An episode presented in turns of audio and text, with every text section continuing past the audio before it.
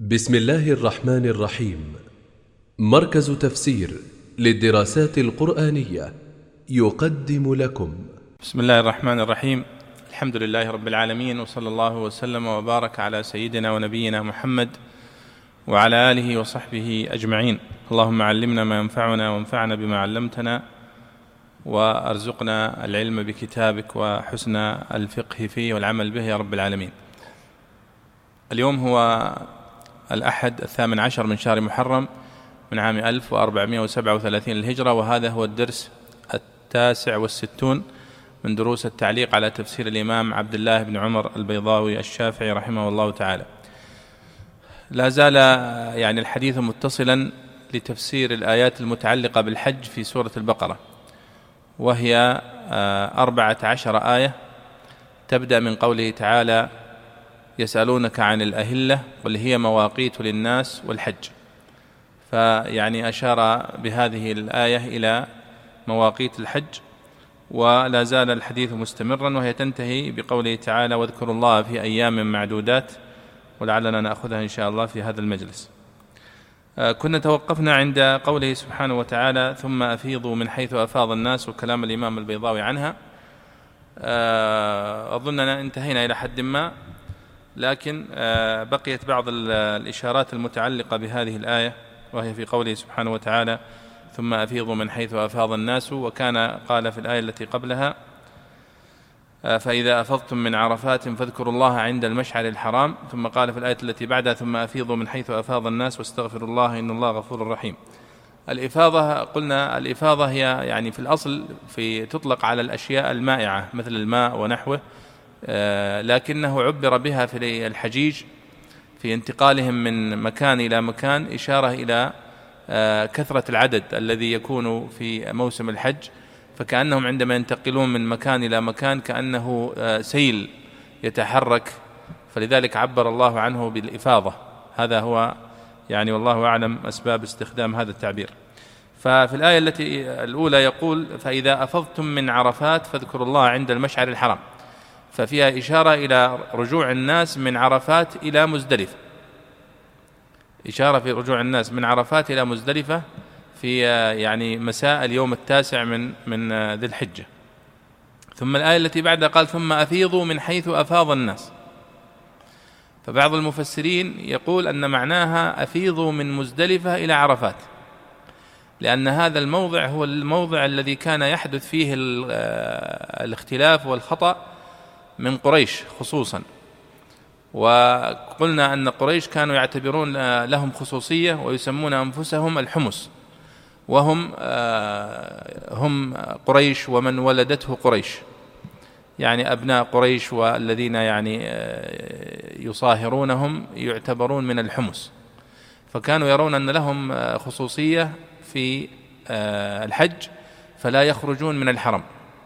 فإذا ذهب الناس آه، يوم الثامن آه، أو يوم التاسع في الصباح يذهبون من منى إلى عرفات.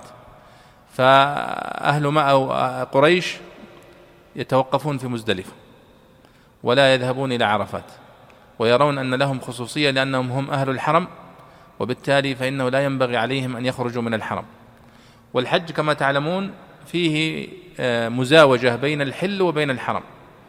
فهناك يعني مشاعر ومناسك تؤدى في الحرم وهناك مناسك تؤدى في الحل. فكل المناسك طبعا تؤدى في الحرم إلا عرفات فإنه يؤدى في الحل لأن عرفات ليست من الحرم هي خارج حدود الحرم.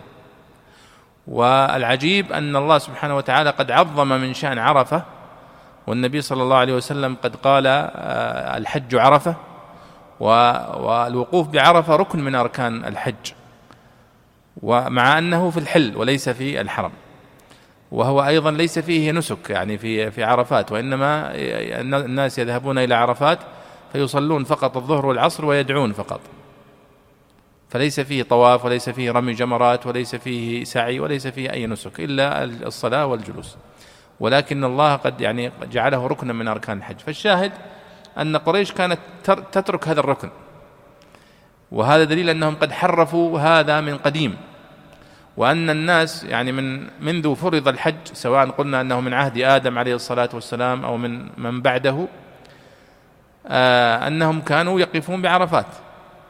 فدخل التحريف والتأويل والانحراف في الفهم فأصبحوا لا يذهبون إلى إلى عرفات. ولذلك هذه الآيات التي معنا جاءت في جوانب من الحج كما تلاحظونها اولا جاءت بتأكيد مواقيت الحج وأن الأهلة يعني من من فوائدها معرفة مواقيت الحج وأيضا فيها إشارة إلى وجوب الإتمام للحج والعمرة إذا دخل الحاج أو المعتمر فيها وأتم الحج والعمرة لله. أيضا تصحيح بعض المفاهيم الخاطئة مثل هذا المفهوم وهو أنه يجوز لأهل مكة عدم الذهاب إلى عرفات لأنهم من أهل الحرم. طيب فهنا كلام جميل جدا للإمام الطبري رحمه الله أحضرته حتى يعني نعرف أساليب العلماء والمفسرين في التعامل مع هذه الاختلافات. وهذه المسألة من المسائل المهمة التي ينبغي على من يقرأ في تفسير القرآن الكريم ويدرس تفسير القرآن الكريم أن يتعلمها ويعرف كيف يتعامل المفسرون معها وهو أنه يقرأ لمفسر قولا ويقرأ لمفسر آخر قول مخالف له ولمفسر ثالث قولا ثالثا. فيشعر بنوع من الاضطراب في التعامل مع هذه الأقوال. وربما يعني هذا يجعل الإنسان يسيء الظن بكتب التفسير أو بكلام أهل التفسير. البيضاوي هنا في اختصاره كما قلنا في مرارا يعني أنه اختصره وبناه على ثلاثة كتب. كتاب الراغب الأصفهاني في التفسير وكتاب الكشاف للزمخشري وهو أهم مصادر البيضاوي. والذي يظهر لي والله أعلم أنه كان يأخذ من الزمخشري أولا. ثم يضيف بعض الإضافات من الراغب الأصفهاني فيما يتعلق باللغة ويضيف من كلام الرازي فيما يتعلق ببعض الاستنباطات والفوائد. والرازي هو محسوب على الشافعية يعني من حيث المذهب. والبيضاوي آه، شافعي أيضا. والزمخشري حنفي. وبالتالي فإن البيضاوي يخالف الزمخشري في بعض في أكثر الاختيارات الفقهية. كما ستلاحظون هنا في يعني بعض المواضع التي ستأتي معنا. ولذلك يأتي الاختصار أحيانا فيه نوع من الخلل. اختصار البيضاوي يأتي فيه نوع من الخلل. عندما ترجع إلى إلى الزمخشري تجد الكلام واضح. فإذا قرأت في البيضاوي تجد فيه نوع من النقص في التعبير أو في القدرة على يعني الإفهام. فهنا في قوله سبحانه وتعالى آه، فإذا أفضتم من عرفات لاحظوا معي في الآيات فإذا أفضتم من عرفات فاذكروا الله عند المشعر الحرام. واذكروه كما هداكم وإن كنتم من قبله لمن الضالين. ثم ونحن نعرف أن ثم من الحروف العطف التي تدل على التأخير والترتيب. قال ثم أفيضوا من حيث أفاض الناس. طيب إذا قلنا فإذا أفضتم من عرفات يعني رجعتم من عرفات إلى مزدلفة فكيف يكون فإذا ثم أفيضوا من حيث أفاض الناس؟ أننا كيف نقول أنها أفيض من مزدلفة إلى عرفات؟ وهو قد تحدث الآية التي قبلها عن العودة من عرفات إلى مزدلفة. فالمفسرون يعني يوجهون هذا ويقولون ليس المقصود الترتيب هنا. ثم هنا ليس المقصود بها الترتيب. وإنما هي تتحدث عن انتقال الناس من مكان إلى مكان. وفي قوله ثم أفيضوا من حيث أفاض الناس واستغفروا الله إشارة إلى تصحيح هذا الخطأ الذي كان يقع فيه الناس من من قريش في عدم وقوفهم بعرفات. وإن قلنا أنها تدل على الترتيب فتكون فإذا أفضتم من عرفات يعني رجعتم من عرفات إلى مزدلفة وتكون بعد ثم أفيضوا من حيث أفاض الناس واستغفروا الله أي من مزدلفة إلى منى بعد ذلك. و الذي يظهر والله أعلم هو ما ذكره البيضاوي لأن الزمخ الطبري رحمه الله في كتابه هنا سأقرأ لكم كلام الطبري. تلاحظون كيف تعامل هو مع الأقوال وكيف اختار القول الذي يرى أنها ليست على الترتيب. فيقول رحمه الله في قوله ثم أفيضوا من حيث أفاض الناس طبعا نحن تحدثنا البيضاوي تكلم عنها في المجلس الماضي. ثم أفيضوا من حيث أفاض الناس أي الناس كلهم. يعني كأن الخطاب لقريش أفيضوا من حيث أفاض الناس كل الناس الذين يذهبون إلى عرفات. وفيه تفسير آخر أو قول آخر في ثم أفيضوا من حيث أفاض الناس أن المقصود بالناس هنا إبراهيم عليه الصلاة والسلام. وذكر البيضاوي قولا ثالثا ربما هو لم يذكر إبراهيم ذكر آدم. ثم أفيضوا من حيث أفاض الناس. الناس قالوا هو آدم عليه الصلاة والسلام بدلالة قوله تعالى ولقد عهدنا إلى آدم من قبل فنسي ولم نجد له عزما. فسمي الناس لذلك. طيب. فالطبري يقول اختلف أهل التأويل في تأويل ذلك يعني التفسير. ومن المعني بالأمر بالإفاضة من حيث أفاض الناس؟ ومن الناس الذين أمروا بالإفاضة من موضع إفاضتهم. فقال بعضهم المعني بقوله ثم أفيضوا قريش ومن ولدته قريش الذين كانوا يسمون في الجاهلية الحمس أمروا في الإسلام أن يفيضوا من عرفات وهي التي أفاض منها سائر الناس غير الحمس وذلك أن قريشا ومن ولدته قريش كانوا يقولون لا نخرج من الحرم. فكانوا لا يشهدون موقف الناس بعرفة معهم فأمرهم الله بالوقوف معهم. هذا القول الأول. وقال آخرون المخاطبون بقوله ثم أفيضوا المسلمون كلهم.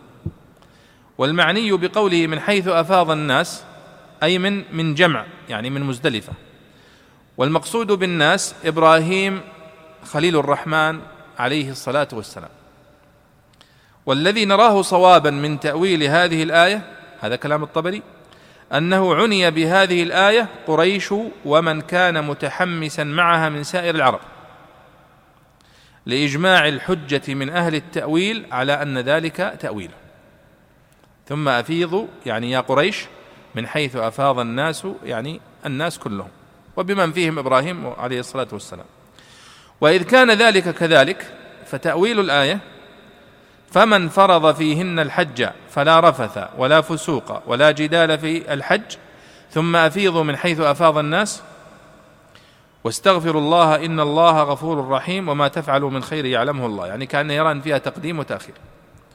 وهذا إذ كان ما وصفنا تأويله فهو من المقدم الذي معناه التأخير والمؤخر الذي معناه التقديم. على نحو ما تقدم بياننا في مثله وهذا يعني يرد كثيرا في القرآن الكريم. ولولا لاحظوا هنا لماذا اختار هذا القول؟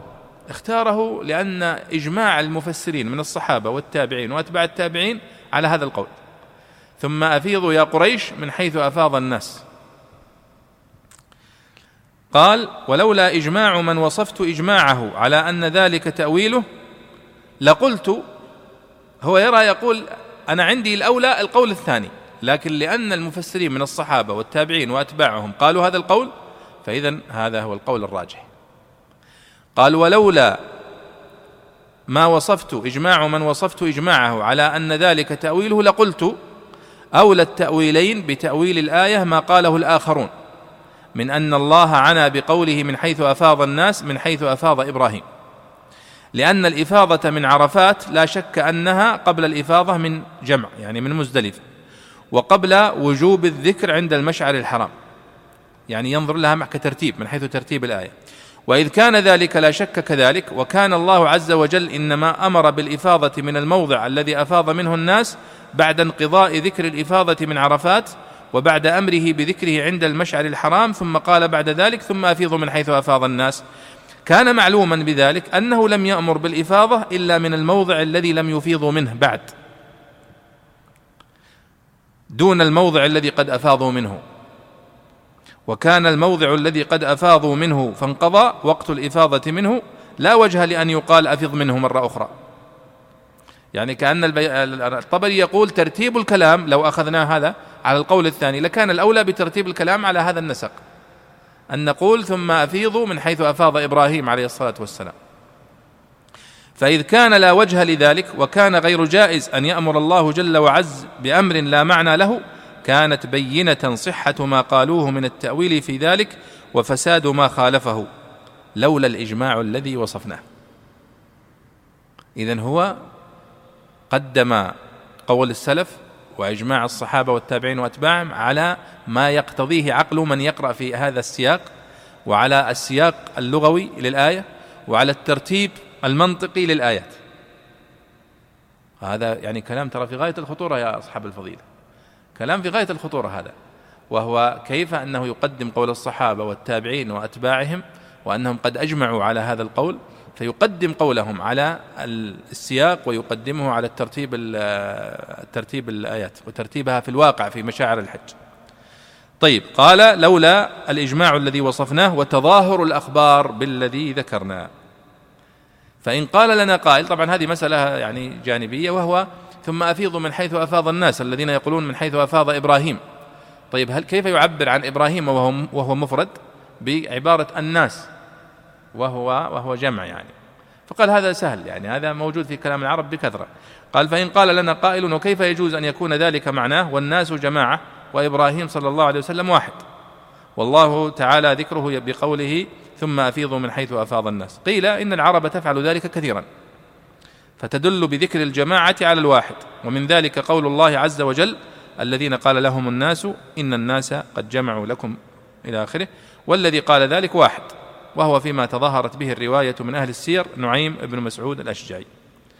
إلى آخر ما ذلك. قال ونظائر ذلك في كلام العرب أكثر من أن تحصى. إذا واضح يا مشايخ أن الطبري رحمه الله يختار ثم أفيضوا يا قريش من حيث أفاض بقية الناس. وليس المقصود بها ثم أفيضوا أيها المسلمون من حيث أفاض إبراهيم عليه الصلاة والسلام من قبل. مع أنه يرى أن هذا القول الثاني قول جميل وممتاز ويتناسب مع الترتيب لكن إجماع الصحابة والتابعين وأتباعهم على القول الأول جعله يعتبر هو هذا مرجح لهذا التفسير. وهذا منهج الطبري في موضعه في كل مواضع يعني تفسيره وهو أصل من أصول التفسير التي ينبغي أن نتنبه لها. طيب طبعا سنرجع للطبري في بعض المواضع إن شاء الله القادمة لأنه يعني يجلي لنا الكثير ويبين لنا وهذا الذي يعني جعلني أحضر كلام الطبري. يعني حتى نعرف أيها الإخوة أهمية تفسير الإمام الطبري. الإمام الطبري ليس مفسرا فقط هو يفسر ويعلمك كيف تفسر. لأنه يعلمك كيف تختار كيف آه، لماذا تختار هذا القول على هذا القول ما هي ما هو دليل هذا القول؟ الذين قالوا بهذا القول ما هو دليلهم؟ عندما يجد اختلافا بين أقوال السلف يوجه هذا الاختلاف فيجمع بينه ويوجه الكلام حتى يستقيم ولا يقع بينه تعارض طيب آه لعلنا يعني هذا يكون كافيا إن شاء الله في بيان قوله تعالى ثم أفيضوا من حيث أفاض الناس واستغفروا الله إن الله غفور رحيم. آه طبعا آه يعني الأمر بالاستغفار أيها الإخوة في نهاية المناسك نهاية الإفاضة من عرفات، نهاية الإفاضة من مزدلفة، نهاية رمي الجمرات يأمر بالاستغفار. ثم بعد سيأتي معنا فإذا قضيتم مناسككم فاذكروا الله. هذه يعني تكاد تكون مضطردة في القرآن الكريم وفي السنة النبوية كيف يأمرنا الله سبحانه وتعالى بالاستغفار والتوبة وذكر الله بعد أداء العبادات. مع أن المتبادر إلى الذهن أن الإنسان إذا أدى عبادة من العبادات يكون قد تقرب إلى الله قربة ما يستح يعني ما يعني لا يستوجب ذلك أن يستغفر بعدها. الذي يستحق أن يستغفر هو اللي ما صلى والذي لم يحج ولم يصلي ولم يستجب لأمر الله. أما الذي استجاب وانقاد ويستغفر بعدها هذه معنى لطيف يعني ومهم جدا. ولذلك لما قيل لابن عباس رحمه الله في بعض الروايات أنه عندما سأله عمر بن الخطاب رضي الله عنه عن قوله تعالى إذا جاء نصر الله والفتح ورأيت الناس يدخلون في دين الله أفواجا فسبح بحمد ربك واستغفره. إنه كان توابا ماذا تفهم منها؟ قال أنا أفهم منها طبعا فوق المعنى الظاهر الواضح الذي للآية أنه أمر بالاستغفار. قال أنا أفهم منها فهم أبعد قليلا وهو أن هذا إشارة إلى دنو أجل النبي صلى الله عليه وسلم. إذا فتحت مكة وبدأ الناس يدخلون ويكثرون في الإسلام فأن هذا علامة على انتهاء مهمة النبي صلى الله عليه وسلم ودنو أجله. وهذا أمر له بالاستغفار. فلما قيل لابن عباس كيف استنبطت هذا المعنى؟ قال نظرت في القرآن فوجدت أنه كثيرا ما يأمر بالاستغفار في في أعقاب وفي أدبار العبادات. بعد الحج بعد الصلاة بعد أليس كذلك؟ والنبي صلى الله عليه وسلم كان إذا سلم من الصلاة قال أستغفر الله أستغفر الله أستغفر الله. ثم يبدأ في الأذكار. طيب نقرأ يا شيخ أحمد من قوله تعالى فإذا قضيتم مناسككم. أعوذ بالله من الشيطان الرجيم. فإذا قضيتم مناسككم فاذكروا الله كذكركم آباءكم أو أشد ذكرًا. فمن الناس من يقول ربنا آتنا في الدنيا وما له في الآخرة من خلاق. قال رحمه الله فإذا قضيتم مناسككم فإذا قضيتم العبادات الحجية وفرغتم منها فاذكروا الله كذكركم آباءكم فأكثروا ذكره وبالغوا فيه كما تفعلون بذكر آبائكم في المفاخرة. وكانت العرب إذا قضوا مناسكهم وقفوا بمنى بين المسجد والجبل فيذكرون مفاخر آبائهم ومحاسن أيامهم. أو أشد ذكرى إما مجرور معطوف على الذكر يجعل الذكر ذاكرا على المجاز والمعنى فاذكروا الله كذكركم آباءكم أو كذكر أشد منه وأبلغ أو على ما أضيف إليه على ضعف بمعنى أو كذكر قوم أشد منكم ذكرا وإما منصوب بالعطف على آباؤكم وذكرا من فعل المذكور بمعنى أو كذكركم أشد مذكورية من آبائكم. أو بمضمر دل عليه المعنى تقديره أو كونوا أشد ذكرا لله منكم لآبائكم. فمن الناس من يقول تفصيل للذاكرين إلى مقل لا يطلب بذكر الله تعالى إلا الدنيا ومكثر يطلب به خير الدارين. والمراد الحث على الإكثار والإرشاد إليه. ربنا آتنا في الدنيا اجعل إيتاءنا ومنحتنا في الدنيا. وما له في الآخرة من خلاق أي نصيب وحظ. لأن همه مقصور بالدنيا أو من طلب خلاق. نعم. الله سبحانه وتعالى هنا يقول فإذا قضيتم مناسككم يعني انتهيتم منها وفرغتم منها. وهو يحتمل أن إذا انتهيت من كل منسك من النسك ف... ف... يعني الهج بذكر الله. وذكر الله واسع يعني التكبير والتهليل وهو معروف. وإما أن يكون معناه فإذا قضيتم تماما انتهيتم من من مناسك الحج تماما. خلاص انتهينا تماما من طواف الوداع ومن آه، قال فإذا قضيتم مناسككم فإذا قضيتم العبادات الحجية وفرغتم منها. فهي الآية محتملة للمعنيين. فرغت من الوقوف بعرفة وانتقلت إلى فاذكر الله. فرغت من آه، الوقوف بمزدلفة أيضا. النبي صلى الله عليه وسلم كان بعد قبل أن ينتقل من مزدلفة إلى منى يبقى يدعو بعد صلاة الفجر حتى تسفر يسفر النهار يدعو يدعو ويذكر الله يذكر الله يذكر الله. وفي عرفات يذكر الله وهكذا. وهذا الذي يظهر والله أعلم لأن الأمر بالذكر في مواسم في مواقف الحج في كل موضع يعني. حتى بعد رمي الجمرات رمي الجمرة الأولى ورمي الجمرة الثانية بعد كل واحدة منها دعاء وذكر أليس كذلك؟ ثم أيضا حتى مع رمي الجمرات فهو يذكر الله. قال فاذكروا الله كذكركم آباءكم أو أشد ذكرا. فأكثروا ذكره وبالغوا فيه كما تفعلون بذكر آبائكم في المفاخرة. قال البيضاوي وكانت العرب إذا قضوا مناسكهم وقفوا بمنى بين المسجد والجبل فيذكرون مفاخر آبائهم ومحاسن أيامهم. أو أشد ذكرا ثم ذكر الاحتمالات النحوية والإعرابية لها. هنا الآية تفهم إذا يعني فهمنا العادة التي المرتبطة بها. وهذا ذكرت لكم أكثر من مرة أهمية معرفة عادات العرب في الجاهلية. حتى يفهم القرآن الكريم فهما صحيحا ومنها هذه العادة وهو أن العرب كانوا طبعا يجتمعون في الحج وهو يعتبر موسم من مواسمهم في في يعني قديم في الجاهلية وبالرغم من الأخطاء التي والانحرافات التي وقعت في في فهمهم وفي نسكهم إلا أنهم يعني احتفظوا به يعني من عهد إبراهيم عليه الصلاة والسلام ومن قبله. فكانوا إذا فرغوا من من من رمي الجمرات في آخر يوم من أيام التشريق يقفون في السهل في منى بين الجبل وبين المسجد وهي منطقة يعني منبسطة في منى. ويتفاخرون بآبائهم وب يعني آه، مفاخرهم العربية والقبلية. نحن الذين فعلنا ونحن الذين فعلنا وطبعا قد ذكروا في كتب أسباب النزول ذكر وفي الأحاديث الصحيحة بعضا من هذه المفاخرات. فيقول أنس بن مالك في قوله تعالى فاذكروا الله كذكركم آباءكم قال كانوا يذكرون آباءهم في الحج فيقول بعضهم كان أبي يطعم الطعام ويقول بعضهم كان أبي يضرب بالسيف يعني شجاع يعني. ويقول بعضهم كان أبي يجز نواصي بني فلان يعني إشارة إلى عزته ومنعته. ويقوم من كل قبيلة شاعرهم وخطيبهم. فيقول فينا فلان وفينا فلان ولنا يوم كذا ووقعنا ببني فلان يوم كذا. ثم يقوم الشاعر فينشد ما قيل فيهم من الشعر. ثم يقول من يفاخرنا؟ فليأتي بمثل فخرنا. فمن كان يريد المفاخرة من القبائل قام فذكر مثالب تلك القبيلة. وما فيها من المساوئ وما ذكرت به يرد عليه ما قال ثم يفخر هو بما فيه وما في قومه. راح الحج عليهم؟ يعني راح الحج الحج وهو يعني الغرض منه التواضع والتوحيد ذهب بهذه الأمسية الشعرية هذه أو الصباحية.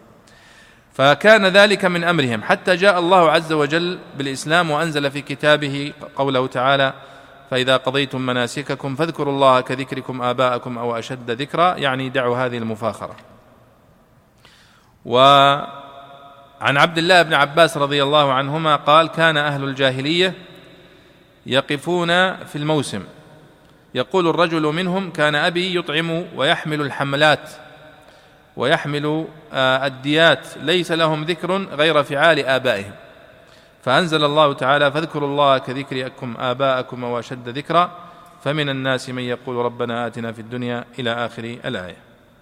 وعنه أيضا قال كان المشركون يجلسون في الحج فيذكرون أيام آبائهم وما يعبرون من أنسابهم يومهم أجمع. فأنزل الله عز وجل فاذكروا الله كذكركم آباءكم الآية. إذن هذا أيها الإخوة كلام يعني وهذه رواية كلها التي قرأتها عليكم روايات آه، يعني صحيحة وحسنة أن العرب كانوا يتفاخرون في هذا الموضع فيما بينهم وكأنهم الله أعلم يعتبرون يعني في نهاية الحج أشبه ما يكون بعكاظ وذي المجاز ومجنة وهي أسواق قريبة من الحج أصلا. يعني عكاظ ومجاز ومجنة كلها أسواق للعرب آه، كانت أسواق يعني كبرى تعتبر في آه، الجزيرة. وكانت تنظم قبل الحج. يعني كانوا يراعون أنهم يأتون من أنحاء الجزيرة العربية فيجتمعون في عكاظ خاصة. عكاظ يعني هو كما تعلمون الآن قريب يعني من السيل بين الطائف ومكة فهو قريب من من الميقات.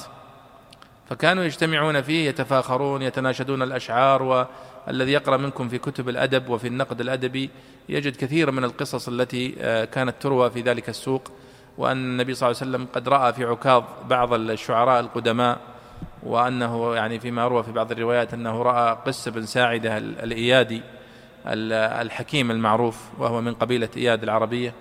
كان يقوم في في سوق عكاظ فيعظ ويذكر بعض المواعظ. وأيضا كان النبي صلى الله عليه وسلم كما روي أنه رأى أنه وقف في في ذي المجاز ربما أيضا آه، ورأى بعض المفاخرات فيه وبعض الشعراء. وأيضا يجدون من من أوائل يعني ما يذكر في كتب النقد الأدبي من آه، قصص النقد الأدبي القديمة عند الشعراء الجاه القدماء أن النابغة الذبياني وهو شاعر غطفان كان آه، كان يعني يجلس للناس في في عكاظ وكان يعني يعتبر هو رئيس اللجنة المحكمة إن صح التعبير الذي يفصل بين الشعراء. يأتي الشعراء فيعرضون عليه قصائدهم ويفاضل ويقول أنت أشعر العرب وفلان ولذلك لما جاءه حسان بن ثابت وحسان بن ثابت كبير في السن يعني حسان بن ثابت أسلم رضي الله عنه وعمره ستون سنة وبقي في الإسلام ستين سنة وله قصائد في الجاهلية قوية جدا من من أقوى قصائده وأقوى من قصائده التي قالها بعد إسلامه. لذلك لما يعني يذكر بعض النقاد كيف أن الشعر بابه باب الكذب والمبالغات. فيقول انظر إلى شعر حسان قبل الإسلام وبعده. كيف أنه قال قبل الإسلام قصيدته المشهورة أبناء جفنة حول قبر أبيهم قصيدة المشهورة التي يقول فيها يغشون حتى ما تهر كلابهم لا يسألون عن السواد المقبل. آه ثم يعني عرض قصيدة على النابغة وهي من القصة المشهورة التي يقول فيها يفخر بقومه. يقول لنا الجفنات الغر يلمعن بالضحى وأسيافنا من نجدة آه، وأسيافنا يقطرن من نجدة دما فيقولون أنه انتقده النابغة في هذا البيت وقال أنك يعني قد أخط يعني آه، قللت أسيافك. وعندما قلت آه، نعم لنا الجفنات. قال قللت جف جفناتك. لو قلت لنا الجفان فهي جمع كثرة وأما الجفنات في جمع قلة. ثم قلت لنا الجفنات البيض يلمعن بالضحى والضيف أكثر ما يطرق في الليل. فلو قلت لو قلت لنا الجفنات الغر يبرقن بالدجى لكان أفضل لأن الضيف أكثر طروقا بالليل ما هو يجي في الضحى. وقلت وأسيافنا يقطرن ولو قلت وأسيافنا يجرينا لكان أدل على الشجاعة. إلى آخره. فالشاهد يعني هذه من يعني القصص القديمة. لكن الشاهد أن العرب كانوا يعني يقلبون يعني نهاية موسم الحج إلى موسم للمفاخرة بأيامهم وبانتصاراتهم وب فهذا يعني هو سبب والله أعلم لنزول هذه الآية. أو أن هذا الذي كان يقع منهم كان سبب لهذه الآية لتصحيح هذا المفهوم. زي الآية اللي قبلها أفيضوا من حيث أفاض الناس يعني كان خطأ من قريش أنها تقف في مزدلفة ولا تذهب إلى عرفات فقال اذهبوا مع الناس إلى عرفات.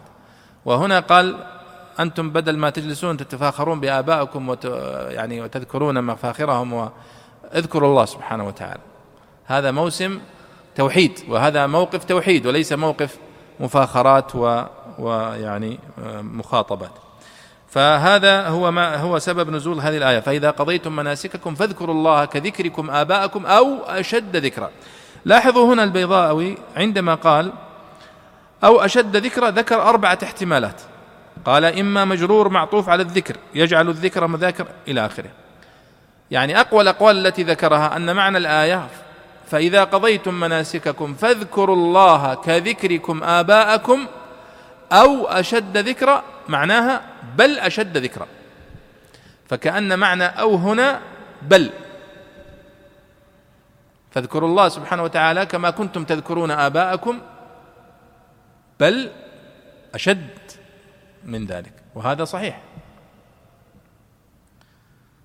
وذكر بقية التوجيهات. هنا قال فمن الناس من يقول آمنا. لاحظ هنا الله سبحانه وتعالى يقول أن ليس كل من يأتي إلى هذا الموسم يوفق. وذكر الله حالتين من حالات من يدعون الله سبحانه وتعالى ويذكرون الله وأن بعض الناس يدعون الله سبحانه وتعالى لكنهم يدعونهم بالعاجلة دون الآجلة. فيقولون ربنا آتنا في الدنيا وما له في الآخرة من خلق. فكانه يعني أكثر دعاءه لله وأكثر تضرعة أن يرزقه في هذه الدنيا ويغفل عن أن يدعو الله سبحانه وتعالى بالآخرة. فقال فمن الناس من يقول ربنا آتنا في الدنيا وما له في الآخرة من خلق. قال البيضاوي تفصيل للذاكرين. إلى مقل لا يطلب بذكر الله تعالى إلى الدنيا إلا الدنيا. ومكثر يطلب به خير الدارين. والمراد الحث على الإكثار والإرشاد منه ربنا آتنا في الدنيا اجعل إيتاءنا ومنحتنا في الدنيا وما له في الآخرة من خلاق أي نصيب وحظ. الخلاق هو النصيب. ولاحظوا هنا البيضاوي يعني في ذكره كل احتمالات العربية وعلاقتها بالمعنى. ولا شك أن الإعراب إذا كان متعلقا بالمعنى فإنه يعتبر مهم جدا وهو يعتبر من أصول التفسير التي لا بد منها. وإذا لم يكن متعلقا أو له علاقة بالمعنى فليس يعني من أصول التفسير. طيب والصورة الثانية يا شيخ؟ ومن الناس من يقول ربنا آتنا في الدنيا حسنة. ومنهم من يقول ربنا آتنا في الدنيا حسنة وفي الآخرة حسنة وقنا عذاب النار. أولئك لهم نصيب مما كسبوا والله سريع الحساب. قال رحمه الله ومنهم من يقول ربنا آتنا في الدنيا حسنة يعني الصحة والكفاف وتوفيق الخير وفي الآخرة حسنة يعني الثواب والرحمة وقنا عذاب النار بالعفو والمغفرة. وقول علي رضي الله عنه الحسنة في الدنيا المرأة الصالحة وفي الآخرة الحوراء. وعذاب النار المرأة السوء. وقول الحسن الحسنة في الدنيا العلم والعبادة وفي الآخرة الجنة. وقنا عذاب النار. معناه احفظنا من الشهوات والذنوب المؤدية إلى النار أمثلة للمراد بها. أولئك إشارة إلى الفريق الثاني وقيل إليهما لهم نصيب مما كسبوا أي من جنسه وهو جزاؤه أو من أجله كقوله تعالى مما خطيئاتهم أغرقوا أو مما دعوا به نعطيهم منه ما قدرناه فسمي الدعاء كسبا لأنه من الأعمال. والله سريع الحساب يحاسب العباد على كثرتهم وكثرة أعمالهم في مقدار لمحة أو يوشك أن يقيم القيامة ويحاسب الناس فبادروا إلى الطاعات واكتسبوا الحسنات. نعم. هنا في قوله تعالى فمن الناس من يقول ربنا آتنا في الدنيا وما له في الآخرة من خلاق ذكر ابن عباس آه، في في تفسير هذه الآية كما أخرج ابن أبي حاتم في تفسيره قال كان قوم من الأعراب يجيئون إلى الموقف. يحجون يعني. فيقولون اللهم اجعله عام غيث وعام خصب وعام ولاد حسن لا يذكرون من أمر الآخرة شيئا.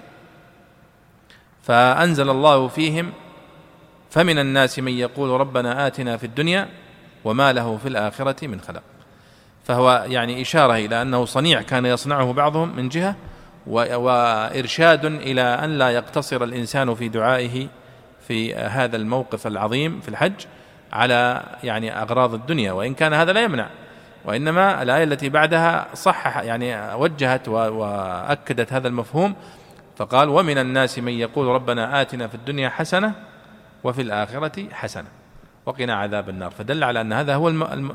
الذي يجب على المسلم ويشرع له أن يجمع بين الدعاء بالدنيا والآخرة وبين حسنات الدنيا والآخرة. هنا نأتي إلى مسألة تفسيرية في قوله ومنهم من يقول ربنا آتنا في الدنيا حسنة. حسنة مأخوذة من الحسن. البيضاوي هنا ذكر في تفسيرها قال يعني الصحة والكفاف وتوفيق الخير. وفي الآخرة حسنة قال يعني الثواب والرحمة. لو ترجعون إلى تفسير الصحابة والتابعين وأتباع التابعين إلى لهذه اللفظة تجدون اختلافات كثيرة. أمثلة. ولذلك البيضاوي أجاد يعني في قوله في آخر التفسير هنا وقنا عذاب النار آه، قال وقول علي رضي الله تعالى عنه الحسنة في الدنيا المرأة الصالحة وفي الآخرة الحوراء. وعذاب النار هذا مثال آخر وعذاب النار المرأة السوء. وقول الحسن الحسن البصري الحسنة في الدنيا العلم والعبادة وفي الآخرة الجنة. وقنا عذاب النار معناه احفظنا من الشهوات والذنوب المؤدية إلى النار. ثم قال كلمة جميلة البيضاوي قال أمثلة للمراد بها. يعني يقصد أن هذا الذي قالوه هذا أمثلة على ما يدخل تحت الحسنة. الحسنة تدخل تدخل فيها المرأة الصالحة وتدخل فيها الغنى ويدخل فيها الصحة والكفاف والتوفيق والن... أنا أريد أن أقرأ لكم ما ذكره الطبري. حتى تلاحظون كيف يتعامل هذا الإمام مع مثل هذه المواضع. وقد مرت معنا يعني أمثلة كثيرة من يعني مشابهة. كيف أنه يعني رحمه الله يتوقف عند آه عند هذه القواعد التفسيرية المهمة. الله سبحانه وتعالى يقول قال ومنهم من يقول ربنا آتنا في الدنيا حسنة وفي الآخرة حسنة. فكلمة حسنة هنا تعم كل ما يدخل تحت الحسنات. فتخصيصها بواحد منها دون البقية خطأ في الفهم. طيب كيف نوجه كلام السلف؟ طيب أن بعضهم قال المرأة الصالحة نقول هذه أمثلة. وهذا يعني تفسير مشهور عند السلف تفسير بالمثال. يذكر لك مثال من الأمثلة التي تدخل تحت هذا التفسير. ويعتبر هذا تفسيرا. قال البيضاء قال الإمام الشاف الطبري رحمه الله اختلف أهل التأويل في معنى الحسنة التي ذكر الله في هذا الموضع. فقال بعضهم يعني بذلك ومن الناس من يقول ربنا أعطنا عافية في الدنيا وعافية في الآخرة. وقال آخرون بل عن الله عز وجل بالحسنة في هذا الموضع في الدنيا العلم والعبادة وفي الآخرة الجنة. وقال آخرون الحسنة في الدنيا المال وفي الآخرة الجنة. طيب كلام جميل هذا. قال والصواب هذا اختيار الطبري رحمه الله قال والصواب من القول في ذلك عندي. أن يقال إن الله جل ثناؤه أخبر عن قوم من أهل الإيمان بالله به وبرسوله ممن حج بيته يسألون ربهم الحسنة في الدنيا والحسنة في الآخرة وأن يقيهم عذاب النار. وقد تجمع الحسنة من الله عز وجل العافية في الجسم والمعاش والرزق وغير ذلك والعلم والعبادة. وأما في الآخرة فلا شك أنها الجنة. لأن من لم ينلها يومئذ فقد حرم جميع الحسنات وفارق جميع معاني العافية. وإنما قلنا إن ذلك أولى التأويلات بالآية. شوف الطبري كيف أنه يختار ويبين ثم يبين وجه الاختيار. قال وإنما قلنا إن ذلك أولى التأويلات بالآية لأن الله عز وجل لم يخصص بقوله مخبرا عن قائل ذلك من معاني الحسنة شيئا.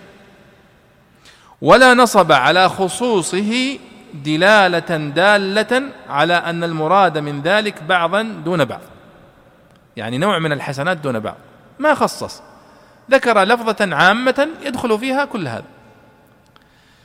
فالواجب من القول فيه ما قلنا. أن تبقى على عمومها. من أنه لا يجوز أن يخص من معاني ذلك شيء وأن يحكم بعمومه على ما عمه الله. واضح هذا يا شباب؟ وهذا مبحث مهم جدا من مباحث التفسير بل هو من أهم مباحث التفسير اللي هو موضوع العموم والخصوص. أن العموم إذا ورد عاما يبقى على عمومه. الأصل أن العام يبقى على عمومه وأن المطلق يبقى على إطلاقه. إلا إذا ورد دليل في القرآن أو في السنة يخصصه. غير ذلك لا يمكن أن يخصص. لا يمكن أن يخصص قول صحابي ولا يخصص قول المفسر ولا يخصص القياس ولا يخصص العقل. ما يخصص. وإنما يخصص الأدلة الشرعية يخصصها أدلة شرعية مثلها وتقيدها أدلة شرعية مثلها ونحو ذلك. فهذا كلام جميل جدا من الإمام الطبري يصلح يعني نبراس للمفسر الذي يفسر القرآن الكريم. الله يقول ومن الناس من يقول ربنا آتنا في الدنيا حسنة يدخل فيها كل ما يوصف بأنه حسنة من الخير والتوفيق والمال والرزق والمرأة الصالحة والصحة والمال والعبادة كلها من الحسنات. فلذلك النبي صلى الله عليه وسلم عندما يعني رأى رجل أو كان رجل يعني يطوف معهم والنبي صلى الله عليه وسلم يطوف ويدعو فقال له هذا الرجل أنا لا أحسن ما تقول يا رسول الله أنت وأبو بكر وعمر ولكني أنا أقول ربنا آتنا في الدنيا حسنة وفي الآخرة حسنة وقنا عذاب النار. فقال النبي صلى الله عليه وسلم قال حولها ندندن. يعني نحن كل دعاءنا هو يدخل تحت هذه الدعوة اللي أنت تقولها. بس. فهذا يعني معنى رائع جدا في فهم القرآن الكريم. طيب. آه طيب نقرأ يا شيخ. أولئك عفوا نعم. في قوله أولئك لهم نصيب مما كسبوا والله سريع الحساب. الله ذكر صنفين هنا. ذكر الصنف الأول فمن الناس من يقول ربنا آتنا في الدنيا وما له في الآخرة من خلاق. ثم ذكر الصنف الثاني ومن الناس من يقول ربنا آتنا في الدنيا حسنة وفي الآخرة حسنة وقنا عذاب النار. ثم قال أولئك لهم نصيب مما كسبوا والله سريع الحساب. هل هذا الكلام أولئك لهم نصيب مما كسبوا يرجع على الصنف الثاني أو على الصنف الأول أو على الصنفين معا؟ محتملة. ولذلك قال البيضاوي أولئك إشارة إلى الفريق الثاني يعني المؤمنين الذين جمعوا في دعوتهم بين الدنيا والآخرة. وقيل إليهما. طيب لو نجي الآن عشان نفكك عبارة البيضاوي لماذا اختار أنها تعود على.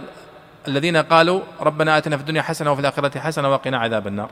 هو اختار هذا القول. نرجع إلى قواعد التفسير وإلى العلماء. هناك قاعدة تتكرر في كتب اللغة وفي كتب التفسير. أن الأصل أن الضمير يعود على أقرب مذكور. أن الضمير يعود على أقرب مذكور. فأنت في أثناء الكلام انظر ما هو أقرب مذكور للضمير فأعده عليه. هنا البيضاوي عمل بهذه القاعدة.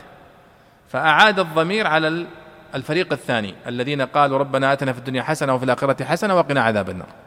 لأن الضمير يعود على أقرب مذكور. فقال أولئك لهم نصيب مما كسبوا إشارة إلى الفريق الثاني. وإن قلت أن الإشارة إليهما فأنت تتجاوز هذه القاعدة إلى السياق الأوسع أنه ذكر فريقين ثم أرجع الإشارة إليهما معا. فتحتكم إلى السياق الأوسع وليس إلى مجرد عود الضمير إلى أقرب مذكور. وهذا الموضوع وهو عود الضمير من الأسباب التي وقعت يعني كان بسببها اختلافات كبيرة بين المفسرين. اختلافهم في معنى هذه الآية بسبب عود الضمير. منهم من يقول يعود الضمير إلى هذا ومنهم من يقول يعود إلى هذا. ولذلك اختلفت أقوالهم. ولذلك كتب فيها يعني بحوث علمية عود الضمير وأثره في اختلاف المفسرين. قال لهم نصيب مما كسبوا أي من جنسه وهو جزاؤه أو من أجله كقوله تعالى مما خطيئاتهم أغرقوا أو مما دعوا به. نعطيهم منه ما قدرناه فسمي الدعاء الدعاء كسبا لأنه من الأعمال. يعني يقول أولئك لهم نصيب مما كسبوا أن هؤلاء الذين يدعون ويتضرعون أن الله سبحانه وتعالى سيجعل لهم نصيبا مما دعوا به. وقال مما كسبوا أي مما دعوا لأن الدعاء هو يعتبر من كسب الإنسان ومن عمله. واستشهد هو بقوله مما خطيئاتهم أغرقوا على أن مما كسبوا تعليلية. لأن الله قال مما خطيئاتهم أغرقوا يعني بسبب ذنوبهم أغرقوا. مما خطيئاتهم فجاءت مما هنا للتعليل. فأراد أن يقول لنا هنا أن معنى قوله أولئك لهم نصيب بسبب ما كسبوا. يعني لهم نصيب وفضل ويعني جزاء عظيم بسبب دعائهم الذي دعوه وسمي الدعاء كسبا لذلك. والله سريع الحساب يحاسب عباده على كثرتهم وكثرة أعمالهم سبحانه وتعالى. طيب واذكروا الله في أيام معدودات. واذكروا الله في أيام معدودات فمن تعجل في يومين فلا إثم عليه ومن تأخر فلا إثم عليه. لمن اتقى واتقوا الله واعلموا أنكم إليه تحشرون. واذكروا الله في أيام معدودات كبروه في أدبار الصلاة وعند ذبح القرابين ورمي الجمار وغيرها في أيام التشريق. فمن تعجل فمن استعجل النفر.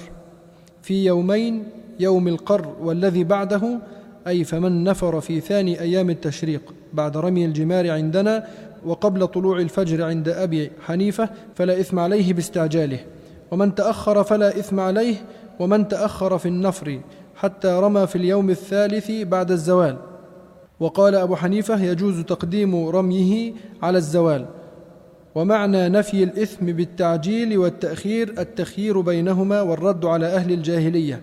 فإن منهم من أثم المتعجل ومنهم من أثم المتأخر. لمن اتقى أي الذي ذكر من التخيير أو من الأحكام لمن اتقى لأنه الحاج على الحقيقة والمنتفع به أو لأجله حتى لا يتضرر بترك ما يهمه منهما. واتقوا الله في مجامع أموركم ليعبأ بكم واعلموا أنكم إليه تحشرون للجزاء بعد الإحياء وأصل الحشر الجمع وضم المتفرق. نعم هذه يعني آخر آية من الآيات التي تتناول موضوع الحج في هذه السياق الذي معنا. يقول الله واذكروا الله في أيام معدودات. المفسرون يقولون المقصود بهذه الأيام هي أيام التشريق.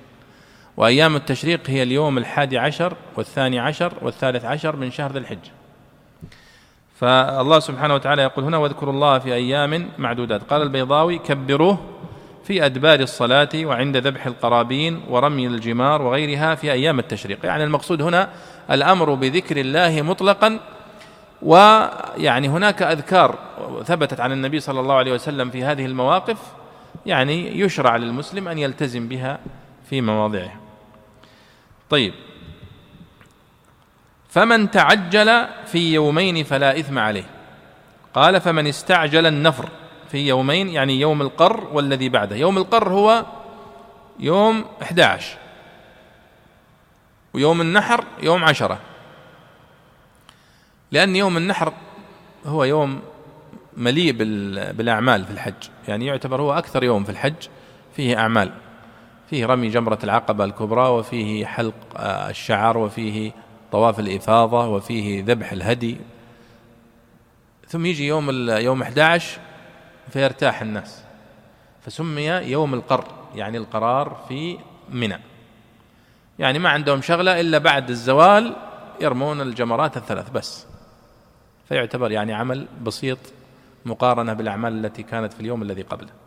فسمي يوم القر. فقال البيضاوي هنا فمن تعجل في يومين يعني في يوم القر اللي هو رقم 11 والذي بعده يوم 12 قال فمن تعجل أي فمن نفر في ثاني أيام التشريق. نفر يعني خلاص يعني انتهى من رمي الجمرات وخرج من منى. هنا الاختلاف الآن بين الفقهاء. بعضهم يرى أنه لا بد أن تنتظر حتى تزول الشمس ثم ترمي الجمرة يوم 12 وتذهب إلى مكة فتطوف. طواف الوداع وتخرج. وأبو حنيفة رحمه الله لأدلة ثبتت عنده من فعل الصحابة ومن رخص النبي صلى الله عليه وسلم لبعض الناس أنه يجوز الرمي بعد الفجر قبل الزوال.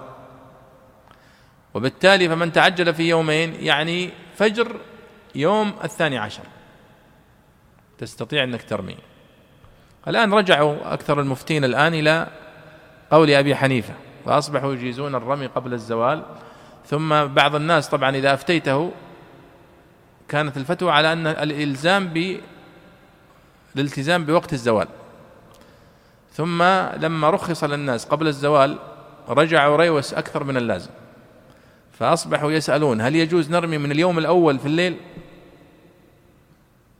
وأنا أتصور أن مع الوقت بيرجعون إلى يوم 11 يتعجلون في يوم. ويبدو الناس سبحان الله يعني الرخص بابها يعني لا شك أنه مقيد في الشريعة الإسلامية. هناك رخص مرتبطة بصحة الإنسان مرتبطة بسنه مرتبطة بجنسه مثل المرأة مثل أو مرتبطة بعمله مثل الرعاة وأصحاب الإبل والذين يعني يشق عليهم البقاء. ثابتة في الشريعة الإسلامية. لكن إذا فتح الباب للترخص عند الناس لا لا لا لا يغلق. فيصبح الإنسان يبحث عن الرخصة ولو لم يكن في حاجة إليه. حتى أصبح بعضهم يحاول يعني أنه يحج في يوم واحد يجمع كل شيء في اليوم الواحد. ويعني مثل هؤلاء يعني يبدو يخشى عليهم من الإثم.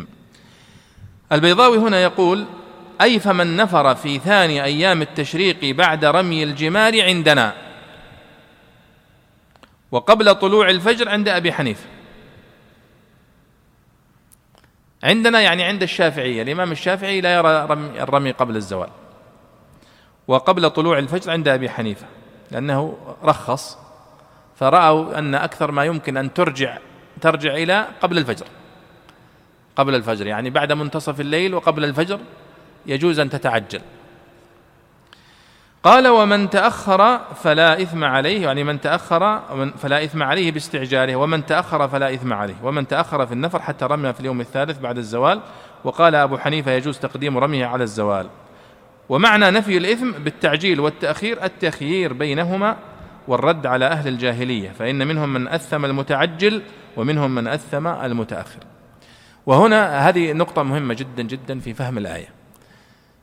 صيغة الآية أحيانا يفهم منها من ظاهرها شيء يكون غير مقصود من غير مقصود في الآية. والذي ينفي هذا القصد الظاهر هو سبب النزول أو سياق الآية الذي لا ليس ظاهرا لنا. وهذا مر معنا تذكرون في قوله تعالى إن الصفا والمروة من شعائر الله. فمن حج البيت واعتمر فلا جناح عليه. الذي يقرأها يقول فلا جناح عليه معناته أن الطواف بين السعي, السعي بين الصفا والمروة ليس بلازم. الله يقول لا جناح عليك أنك تسعى بين الصفا والمروة. مع أنها يعني ركن من أركان العمرة وركن من أركان الحج. إذا لما شرحت عائشة لماذا جاءت كلمة فلا جناح عليه أن يطوف بهما قالت لا أصلا كلمة فلا جناح عليه جاءت بسبب أن العرب قبل الإسلام كان هناك صنم على الصفا وصنم على المروة. فالناس يوم يطوفون بين الصفا والمروة والأصنام هذه موجودة. لما جاء الإسلام أزيلت هذه الأصنام. لكن بقي في نفوسهم هذا الحرج. فقال الله فعبر الله بهذا التعبير فلا جناح عليه أن يطوف بهم وهذا فيه فائدة مهمة جدا أن ما يحدث على الشرائع من من الإضافات والتحريفات لا يلغي أصل العبادة. يعني الآن لما وضعت الأصنام في في في الكعبة حول الكعبة هل منعت النبي صلى الله عليه وسلم من الطواف حول الكعبة؟ لا كان يطوف. لكن يوم جاءت له الفرصة أنه يزيل هذه الأصنام أزالها في فتح مكة. لكن بقي قبل ذلك 13 سنة يطوف والأصنام موجودة. كذلك في السعي بين الصفا والمروة. الصفا والمروة مشروعة الطواف بينها. لكن لما جاء المشركون وضعوا هذه الأصنام نروح نبطل يعني العبادة كلها؟ لا. فهذا من من فوائد هذه الآية فلا جناح عليه يطوف بهما. هنا نحن دائما أو أكثر الناس يفهم في قوله تعالى فمن تعجل في يومين فلا إثم عليه ومن تأخر فلا إثم عليه لمن اتقى. أن هناك تخ... أن هناك مفاضلة بين اللي يجلس يومين واللي يجلس ثلاثة. وأن اللي يجلس ثلاثة أيام أفضل من اللي يجلس يومين. والآية لا تقصد ذلك. لكن لأن هناك في الجاهلية من كان يرى أن يؤثم من يبقى يومين ويقول لازم تجلس ثلاثة. وبعضهم يقول تأثم إذا بقيت ثلاثة أيام اجلس يومين فقط.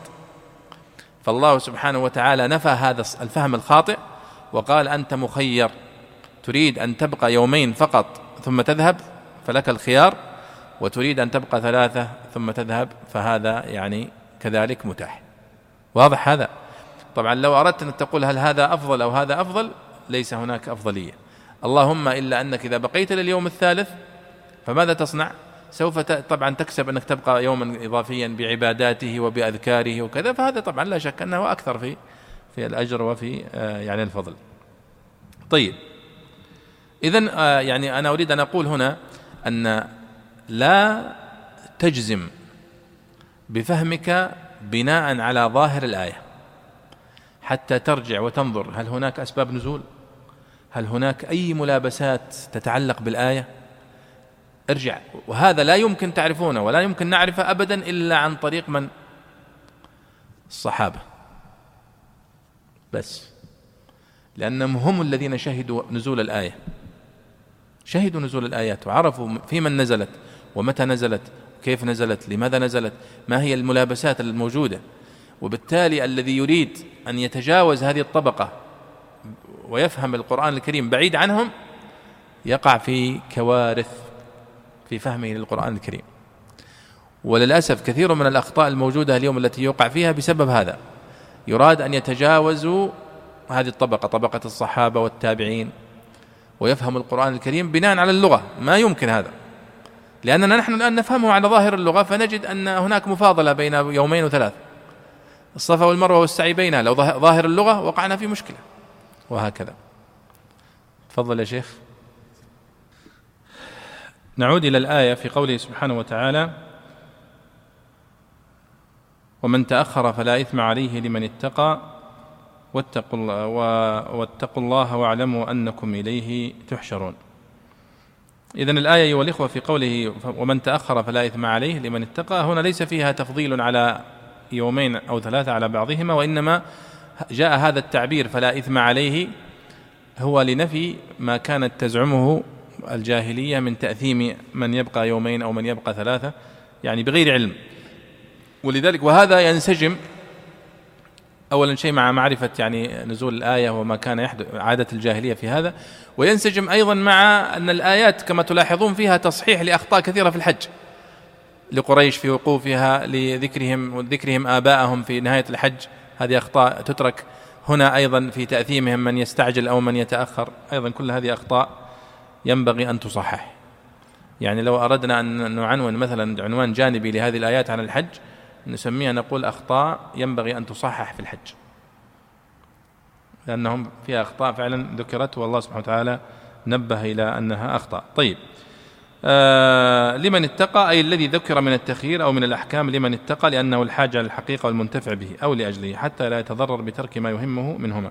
يعني كأن الله سبحانه وتعالى يقول من يبقى يومين أو من يبقى ثلاثة فهو مشروع شريطة أن يكون ذلك تقوى لله سبحانه وتعالى وابتغاء مرضات الله. ثم قال واتقوا الله في مجامع أموركم ليعبأ بكم واعلموا أنكم إليه تحشرون. وهذا تذكير بالآخرة. وأصل الحشر قال الجمع وضم المتفرق. الحشر في اللغة حشره بمعنى جمعه وجمع المتفرق. آه، كما قال في سورة النمل قال وحشر لسليمان جنوده من الجن والإنس والطير فهم يوزعون. طيب. آه، لعلنا نتوقف عند هذه الآية ويعني نأخذ بعض الأسئلة. إن رأيتم يعني. أو نشوف إذا بقي عندنا وقت. هنا سؤال من آه، أستاذنا الدكتور زهير يقول ما أهمية معرفة أشعار الجاهلية في فهم القرآن الكريم؟ يعني هذا سؤال الحقيقة أنت تعرف جوابه تماما لكن حتى نتعلم يعني جميعا أن أشعار الجاهلية هي الوثيقة الوحيدة الموجودة بين أيدينا اليوم التي يمكننا من خلالها معرفة اللسان العربي الأول قبل القرآن.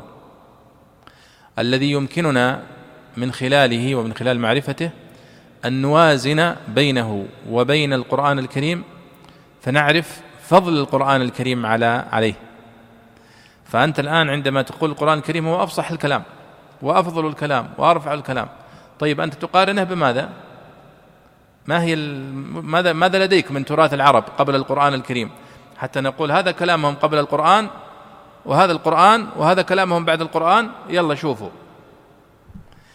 ولذلك وجود القرآن وجود الشعر الجاهلي وهو أكثر ما وصلنا من كلام العرب قبل الإسلام كما قال أبو عمرو بن العلاء يقول أبو عمرو بن العلاء ما قالت العرب من الشعر عفوا ما قالت العرب من النثر أضعاف ما قالت من الشعر وهذا شيء طبيعي لأن كلامنا نحن النثري العادي أكثر من كلامنا الشعري. فلم يحفظ من النثر عشره ولم يذهب من الشعر عشره. يعني يقول أن الشعر حفظ أكثره أما النثر فقد نسي أكثره. وبالتالي فإنما ما بين أيدينا من الشعر الجاهلي الموثوق به هو يعتبر بالنسبة لنا كنز من الكنوز التي لا تقدر بثمن. ولذلك البيت الشعر الجاهلي الواحد يعني لا يقدر بثمن بل نصف البيت. لمن يعرف قدره في الاستشهاد وفي فهم المعاني. ولذلك أبو عمرو بن العلاء صاحب القراءات هو من أحفظ العرب والعلماء لشعر العرب. وقد يعني ذكر له علي بن ظافر الأزدي في كتاب له جميل جدا طريف اسمه المتوارون الذين تواروا خوفا من الحجاج بن يوسف. كتب فيه ذكر فيه ترجمة لأبي عمرو بن العلاء. وأبو عمرو بن العلاء توفي سنة 154 فأبو عمرو بن العلاء ووالده كانوا مطلوبين. ومعمم عليهم الحجاج بن يوسف. وكان يريد يقتلهم. لأنه كان يرى أن عندهم نوع من المعارضة السياسية لبني أمية. ففر أبو عمرو بن العلاء إلى نجران. من البصرة إلى نجران. فجاءه خبر وفاة الحجاج بن يوسف وهو في نجران أو في شرورة. يعني قريب منها إما في شرورة أو في نجران. وأتصور في شرورة الله أعلم. طبعا شرورة على الحدود اليمنية. فقال أعرابي شوف هذا الشاهد في الموضوع. قال أعرابي ربما تجزع النفوس من الأمر له فرجة كحل العقال. فسعد أبو عمرو بن العلاء يقول لا أنسى ذلك فرحتي ذلك اليوم. طبعا هو فرحان بموت الحجاج بن يوسف طبعا لكن يقول لا أنسى فرحتي بتلك الكلمة سمعتها من ذلك الأعرابي لأنه هو يروي هذا البيت ربما تجزع النفوس من الأمر له فرجة كحل العقال. لكنه سمع الأعرابي ينشدها ربما تجزع النفوس من الأمر له فرجة كحل العقال يعني فرجة وفرجة. فأبو عمرو بن فرح فرح شديد أنه سمع أعرابي يقول فرجة بفتح الفاء وهو يعرف أنها فرجة بضم الفاء. إشارة إلى عنايتهم بهذه الشواهد البسيطة والصغيرة التي كانوا يجمعون. ولذلك أيضا يقول أبو عبيدة معمر بن المثنى في كتابه أو في ترجمته أو في كتاب النقائض ربما يقول حفظت قصيدة الأعشى بانت سعاد وأمسى حبلها انقطعا. قصيدة عينية رائعة جدا للأعشى وفيها شواهد كثيرة في كتب التفسير.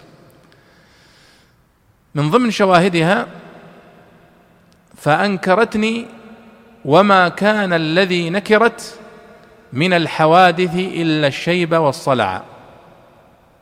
فأنكرتني وما كان الذي نكرت من الحوادث إلا الشيب والصلع. طبعا هذا الشاهد استشهد به الطبري واستشهد به القرطبي كلهم عند قوله تعالى فلما رأى أيديهم لا تصل إليه نكرهم وأوجس منهم خيفة قال نكرهم أي أنكر فعلهم نكرهم وأنكرهم زي بعض. قال الاعشى وأنكرتني. وما كان الذي نكرت. ولم يقل وأنكرتني وما كان الذي أنكرت من الحوادث إلا الشيبه فمعناها أن نكرت وأنكرت عنده واحد. أيضا تذكرون أنه وأوفوا مرت معنا في سورة البقرة عن الوفاء وأن وأوفوا بعهد الله إذا عاهدتم. وأوفوا بعهدي اوف بعهدكم أن وفى وأوفى بمعنى واحد. واستشهد بقول الشاعر أما يزيد فقد أوفى بذمته كما وفى. أوفى كما وفى. الشاهد أن أبو عبيدة يقول هذا البيت وأنكرتني وما كان الذي نكرت. أنا قرأت هذه القصيدة. يقول عفوا يقول أني أدركت أبو عمرو بن العلاء وهو في مرض وفاته. وهو شيخ أبي عبيدة وأخذ منه الشعر وأخذ منه اللغة. فقال له أبو عبيدة عفوا أبو عمرو في مرض موته ما كذبت على العرب في حرف نقلته عنهم قط. كل الأشعار التي رويتها ولله الحمد كلها حفظتها ونقلتها. قال إلا بيت واحد أنا زدته على الأعشى. وهو قولي وأنكرتني وما كان الذي نكرت من الحوادث إلا الشيب والصلع قال أبو عبيدة فقلت له سبحان الله لقد قرأت هذه القصيدة قبل عشرين سنة على بشار بن برد. فقال هذا البيت ليس للأعشى الثاني. هذا البيت ليس للأعشى. فقلت له لمن إذن؟ قال لا أدري. لكنه ليس للأعشى. طبعا آه، لو ترجعون إلى كتب النقد وكتب وفي كتابي الشاهد الشعري تحدثت عن هذا الموضوع وذكرت يعني نماذج كثيرة لقدرة النقاد من العرب على تمييز البيت. هل هذا بيت جاهلي أم بيت معاصر؟ يميزونه بكل وضوح. ولذلك كان يقول أبو عمرو بن العلاء إن نقد الشعر مثل نقد الذهب ونقد الدنانير. فإن الصيرفي النقاد الخبير يأخذ الدينار بيده فيقول هذا زيف وهذا صحيح. فإذا قيل له لماذا هذا زيف؟ قال خبرة وبمجرد اللمس. لا يستطيع أن يعلل لك أحيانا لماذا هذا زيف وهذا صحيح. فكذلك نقاد الشعر. الذي أريد أن أقوله أن الشعر الجاهلي هو وثيقة لا تقدر بثمن بين يدي المتخصص في التفسير والدراسات القرآنية يتقنها ويحفظها ويعرف معانيها ودلالاتها وأسباب قولها وقصص شعرائها ثم إذا جاء يقرأ في القرآن الكريم وفي تفسيره ينتفع بها في معاني الكلمات الغريبة. هذه أول انتفاع. في الأساليب التي يتحدث بها العرب قبل الإسلام وكيف جاء الإسلام؟ بنفس الأساليب. يعني مثلا على سبيل المثال في قوله تعالى أفنضرب عنهم الذكر صفحا. أفنضرب عنكم الذكر صفحا أن كنتم قوما مسرفين. لما تجي في العصر الإسلامي تجد هذا الأسلوب قليل في القرآن الكريم. لكن في الجاهلية كثير عند شعراء الجاهلية استخدامهم لكلمة أفنضرب عنكم الذكر صفحا. وأذكر مثال واحد فقط كما يقول الشنفرة في في اللامية في لامية العرب. وهذه القصيدة يعني ينبغي حفظها حقيقة لطالب العلم. يقول أديم مطال الجوع حتى أميته وأضرب عنه الذكر صفحا فأذهل أضرب عنه الذكر صفحا يعني زي عبارتنا الآن الدارجة إذا قلنا طنش يعني. أن أفنضرب عنكم الذكر صفحا يعني نطنش الموضوع أو ننصرف عنه أو نترك. طيب هذا يعني حول سؤالكم يا دكتور زهير فهو موضوع في غاية الأهمية. نعم.